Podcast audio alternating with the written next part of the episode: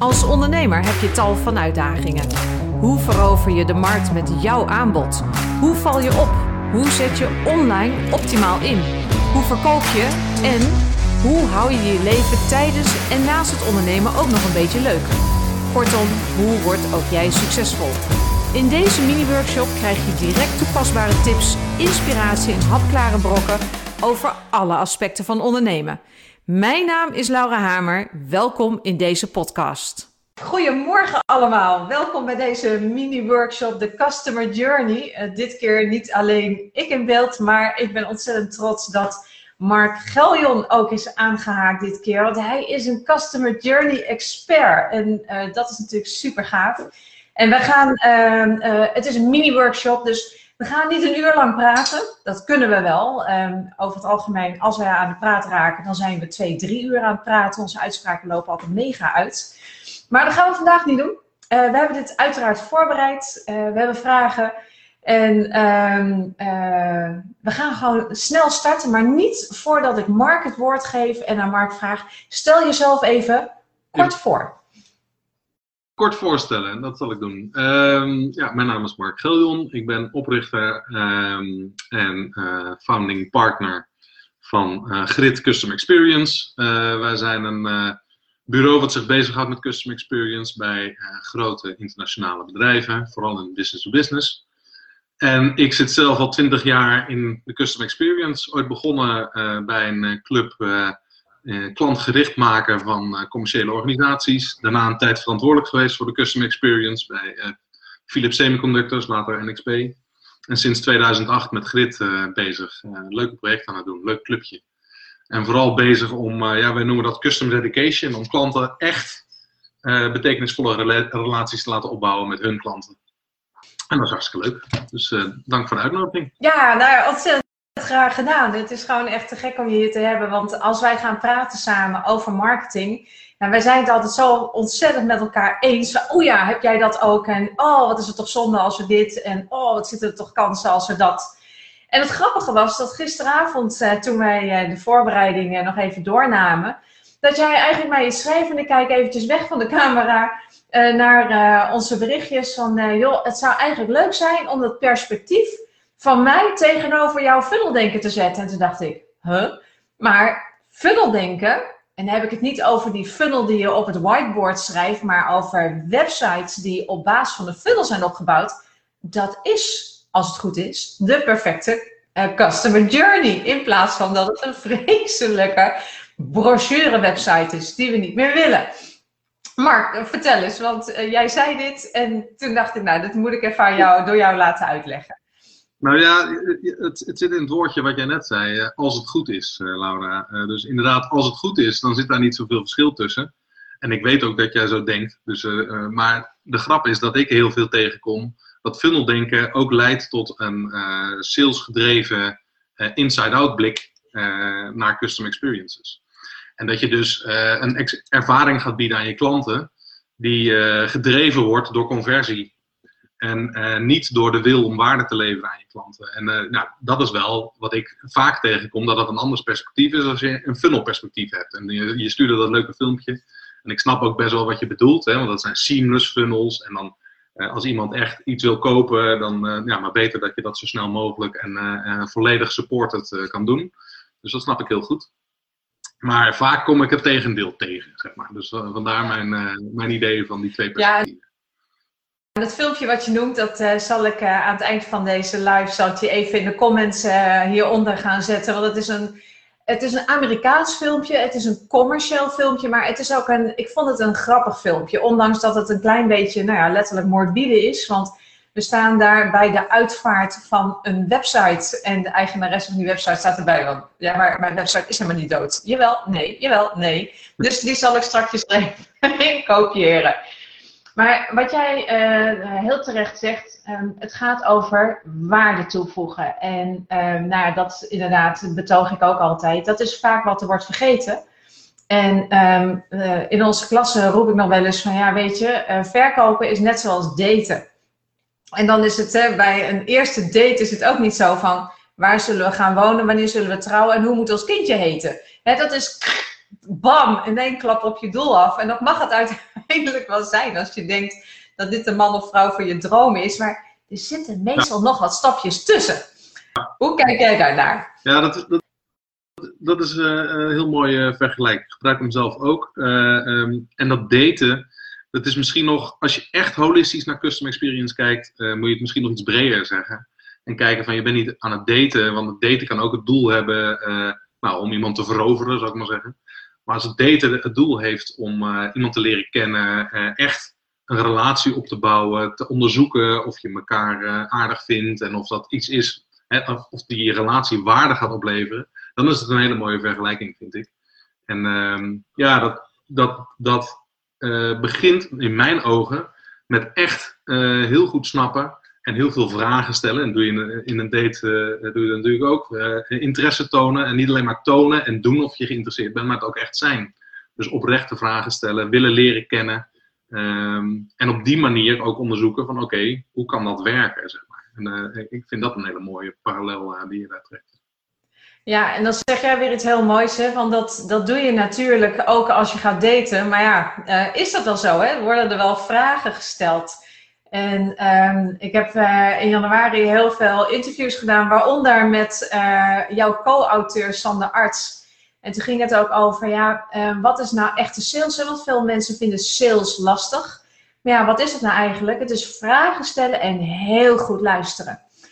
Um, in onze voorbereiding schreef jij ook van, er zijn zoveel crappy customer journeys, zoveel crappy, slechte klantreizen.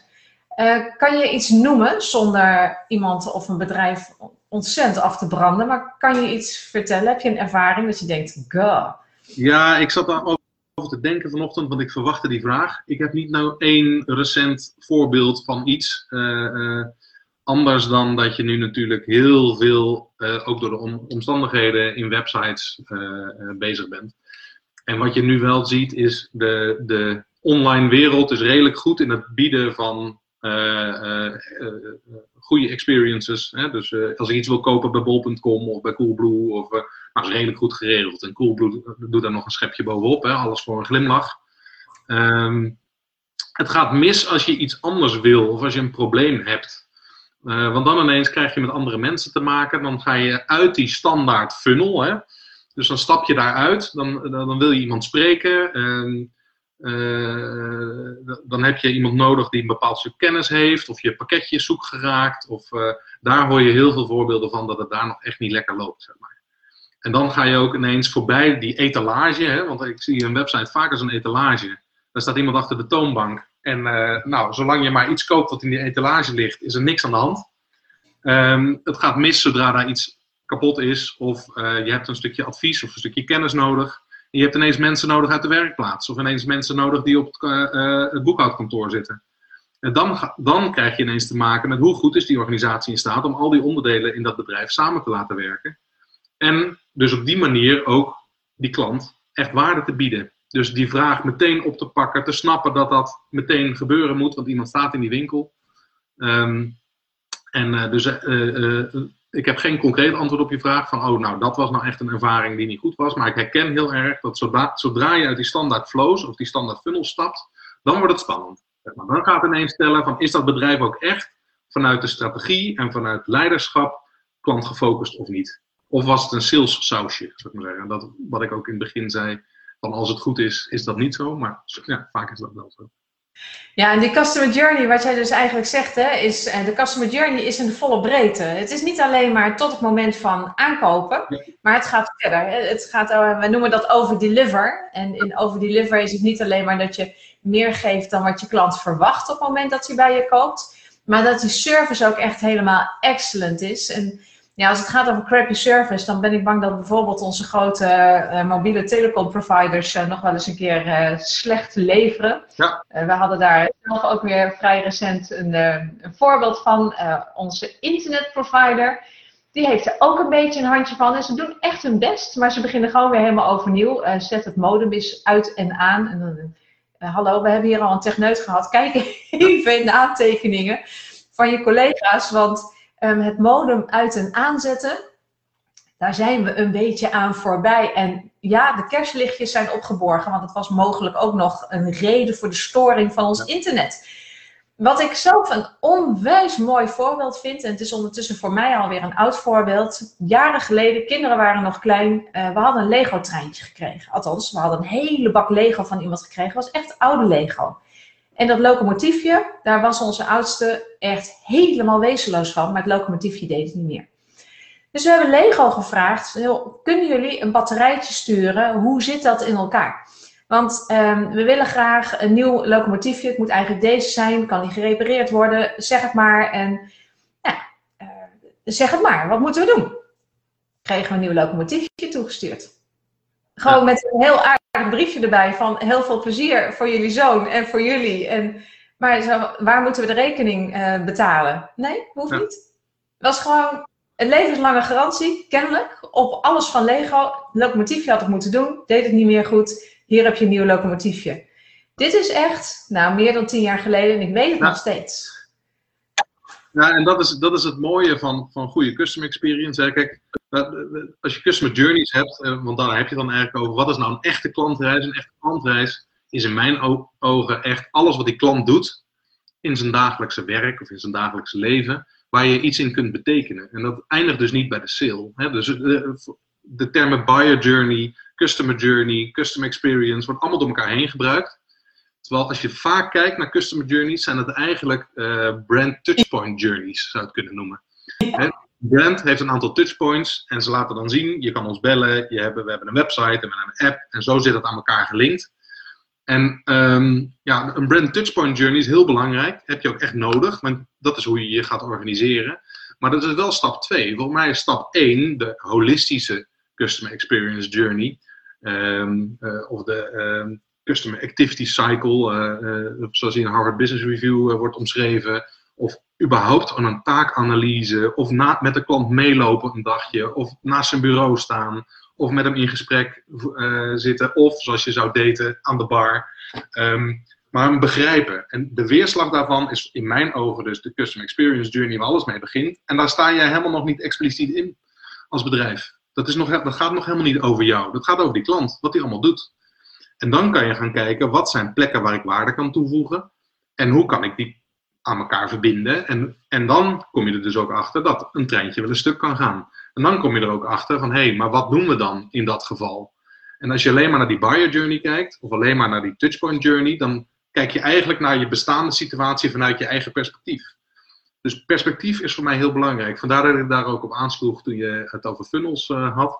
Prima om in funnels te denken. Ik vind funnel is ook een, een, een metafoor voor experience denken, want het gaat om experiences. Um, alleen ze worden steeds concreter. Um, maar uh, ja, mijn, mijn, mijn grote missie is om bedrijven te laten inzien dat als je in de breedte kijkt en in waarde denkt, dat dan die funnel vanzelf komt. Zeg maar. Dan ineens verbind je aan elkaar, krijg je brand loyalty, krijg je zoals je dat in de business-to-business vaak hoort, brand preference, dan krijg je design wins, nou, waar Sander het vast ook over gehad heeft en wat ook in ons boek beschreven staat. Um, en ja, dat is een beetje waar de goede voorbeelden vaak aan, aan vastzitten. En als je dan kijkt, dan zijn er dus eigenlijk in customer experience in mijn optiek drie niveaus. Want jij zegt het ook met Lego. Nou, met Lego heb ik zelf ook nog wel een ander uh, avontuur. Uh, kunnen we het misschien straks nog over hebben. Um, maar in customer experience gaat het heel erg dus ook om dat verhaal. Om de, de filosofie van het merk, het kompas van het merk. En dat is één belangrijk component, zeg maar. Je moet je verbonden voelen met zo'n merk. Met de, de essentie van zo'n merk. Het tweede punt gaat heel erg over, nou wat zijn dan uh, de waardes die geleverd worden, de values, de value proposition, value for money.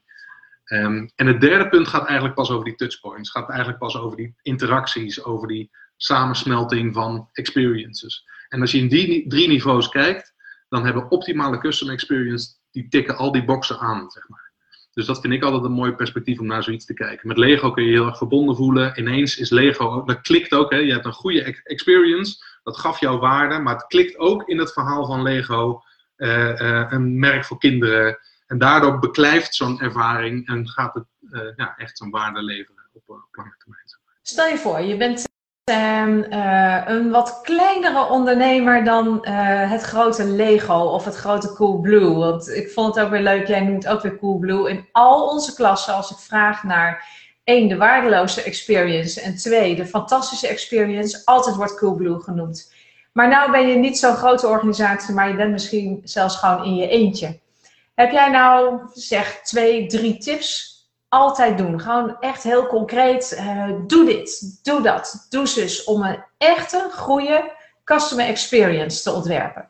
Um, en te implementeren misschien ook. Ja, nou, eigenlijk is het, uh, uh, maakt het niet zoveel uit of je nou voor Philips Lighting of Signify, wat een grote klant van ons is, of, of andere grote bedrijven, of voor een eenpitter wil kijken naar customer experience. Het komt op, in essentie op hetzelfde neer. En uh, om die tips heel concreet te maken, uh, zal ik ze ook echt uh, nou, bijna concreetheid niet maken, zou ik maar zeggen. Koop een A2-vel tekenblok, zeg maar. Je hebt van die tekenblokken, A3 is eigenlijk niet groot genoeg. Je moet A2 hebben. Of als je een whiteboard hebt, maak je whiteboard netjes schoon. En ga, doe het daarop, maar neem een canvas. En op dat canvas ga je gewoon uitschrijven en uitplotten wat eigenlijk die customer experience is van jouw klant. Uh, door hem vragen te stellen, door te verzamelen, door je te verdiepen, door erover te lezen. Rabobank heeft hele mooie trendreports. Als jij in een bepaalde branche wil weten wat er speelt, wat de trends zijn, en wat de veranderingen zijn, uh, ga dat lezen en schrijf gewoon je gedachten op zo'n vel. En je kunt heel mooi ehm, dan focussen op wat is de verandering. Hè? Want een verandering leidt tot problemen, die hebben oplossingen nodig en daar zijn producten voor. Dus als je van verandering naar probleem, naar oplossing, naar product denkt, maar met de veranderingen dus begint, dan kun je heel mooi kijken wat verandert er eigenlijk voor die klanten die ik heb of die ik wil hebben. En wat zijn de problemen die daarbij spelen? En dan kan je een waarde gaan denken, want daar zijn oplossingen voor nodig. En op die manier, dat zou eigenlijk stap 1 zijn, krijg je gewoon een gevoel van of je nou een, een, een, eenpersoons coachingbedrijfje hebt, of uh, uh, je bent uh, interim IT-projectmanager, of uh, je hebt een, eh, een bloemistzaakje, uh, of je wil beginnen als. Nou, maakt niet zoveel uit, zeg maar. Maar daar kan je gewoon um, hele concrete kansen meteen al gaan zien van wat kan ik dan anders doen dan mijn concurrenten, dan de klant gewend is. En hem eigenlijk dus positief verrassen. Dat zou eigenlijk punt 2 zijn. Hele concrete experimentjes doen met hoe kan ik mijn klanten positief verrassen. En als ik mijn klanten dan positief verras, dan moet je echt in relaties gaan denken. Dus dan is het eigenlijk, hè, dan heb je uh, je openingszin gehad, zou ik maar zeggen, in datingtermen. En dan gaat het erover, uh, nou, hoe kunnen wij onze relatie vormgeven? En die stap zou ik ook heel concreet maken door het gewoon te vragen. Dat is dan de derde tip. Vraag gewoon aan je klant, hoe kunnen wij samen naar de toekomst toe, als we de intentie hebben dat we waarde voor elkaar kunnen leveren, hoe kunnen we dat verder vormgeven?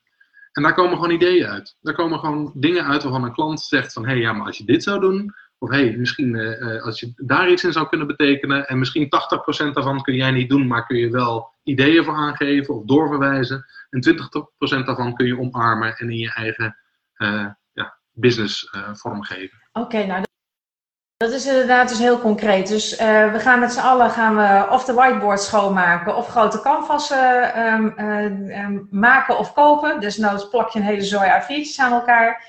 We gaan nadenken over verrassen. Maar dan dat derde punt, hè, dat, dat waarde toevoegen, echt gaan vragen, in gesprek komen. Hoe doe je dat nou bijvoorbeeld op een website? Stel voor je hebt een homepage, je hebt er nog wat pagina's omheen zitten. Hoe doe je dat nou? Is dat uh, echt letterlijk die vraag stellen? Um, hoe? Ja, daar zijn verschillende instrumenten voor. Uh, wat wij zelf hebben, we hebben in ons bedrijf een vrij sterke gedragswetenschappelijke uh, basis. En ook een uh, vrij sterke designbasis. Dus we hebben een aantal designers, een aantal gedragswetenschappers. Um, gedragswetenschappers doen vaak onderzoeken. Dus die willen interviews, die willen gesprekken voeren, die willen surveys doen. En daar halen we kwalitatieve inzichten uit. Dat kun je natuurlijk als eenpitter of als kleine MKB prima ook doen. Uh, een survey uh, maak je zo in uh, SurveyMonkey of een andere tool. En is helemaal niet duur. kun je zelfs in de gratis versies prima een vragenlijstje maken. Zet zo'n vragenlijstje neer.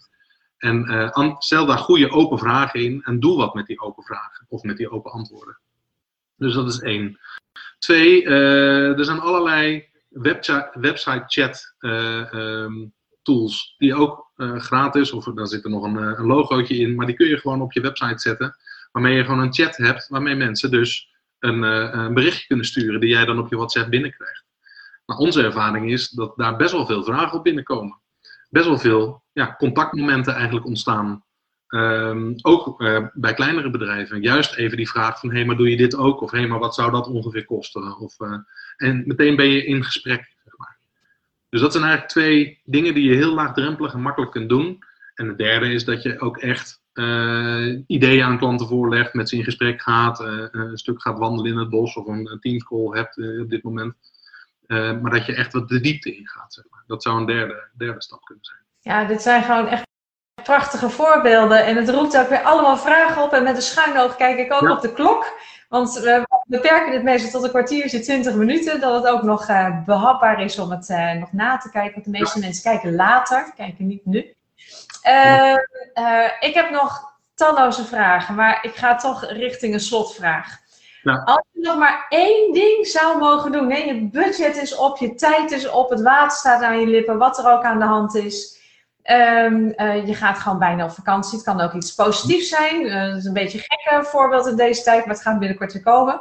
Als je nog maar één ding mag doen in het neerzetten van een hele goede customer journey, wat zou je moeten doen wat jou betreft? Als je één ding zou moeten doen, dan zou ik een stuk papier pakken of uh, een andere manier vinden om eens even gewoon op papier te zetten van oké, wat zijn die stappen? En wat zijn de kansen die ik dan na mijn vakantie, of die ik dan morgen, als het water me aan de lip staat, gewoon kan oppakken en kan gaan doen. Want als je dingen kan gaan doen, dan, dan krijg je ervaring, dan krijg je feedback, dan gebeuren er dingen. Niet te veel analyseren, maar wel even die stap terugzetten. Kijken van oké, wat is dan het ene ding wat ik nu, als ik nog een tientje over heb, waar zet ik dat tientje dan op in? Um, dat zou ik, dat zou ik doen. En ik zit net te denken, ik, ik, wil helemaal niet mensen allemaal in onze funnels trekken, maar we hebben wel een hele mooie cardset tegenwoordig. Hij staat bij jou ja. Misschien mag ik pluggen. Um, wij proberen tools te maken voor Customer Experience. de Customer Experience Deck is een kaartset met allemaal elementen die in jouw Customer Journey een plek kunnen krijgen. En die kan je dan met magneetjes of op je bureau achter elkaar leggen om zo Customer Journeys te bouwen. En uh, kun je dus heel snel uh, ja, uh, inzicht krijgen en ook kijken naar wat zijn die happy moments, de pain points en waar kan ik nou, waarde toevoegen. Dat is eigenlijk mijn afsluitende tip. Super, goed. Goed dat jij dat card deck nog noemt. Um, wil jij zo meteen uh, ook onder in de comments het linkje naar dat card deck zetten? Dan kunnen mensen daar meer over lezen, kijken en wellicht opvragen als ze echt geïnteresseerd zijn. Dus prachtig gemaakt. Het is ook ontzettend, um, uh, hoe zeg je dat, uitputtend. Het is heel compleet. Uh, ik zie hier touchpoints, de digital touchpoints, de activity en de emotion. En dat is juist, dat is het overzicht van alle kaartjes. En dan denk ik dat je ze inderdaad ook allemaal hebt. Mark, uh, nogmaals, uh, ik kan dus nog echt tien vragen bedenken, maar dat ga ik nu niet doen. Wij uh, spreken elkaar over een tijdje weer. En beste kijkers, als jullie zeggen, ja leuk Laura dat je nu gaat afronden, maar ik wil die overige tien vragen of vooral de antwoorden van Mark nog een keer horen, plan dit nog een keer opnieuw. Dan zet het ook onder in die comments neer, want dan gaan we dat zeker doen. En nou ja, Mark, dank je wel voor jouw tijd. En graag tot de volgende keer. Ja, nou, dankjewel. Oké. Okay. Doeg. Doei.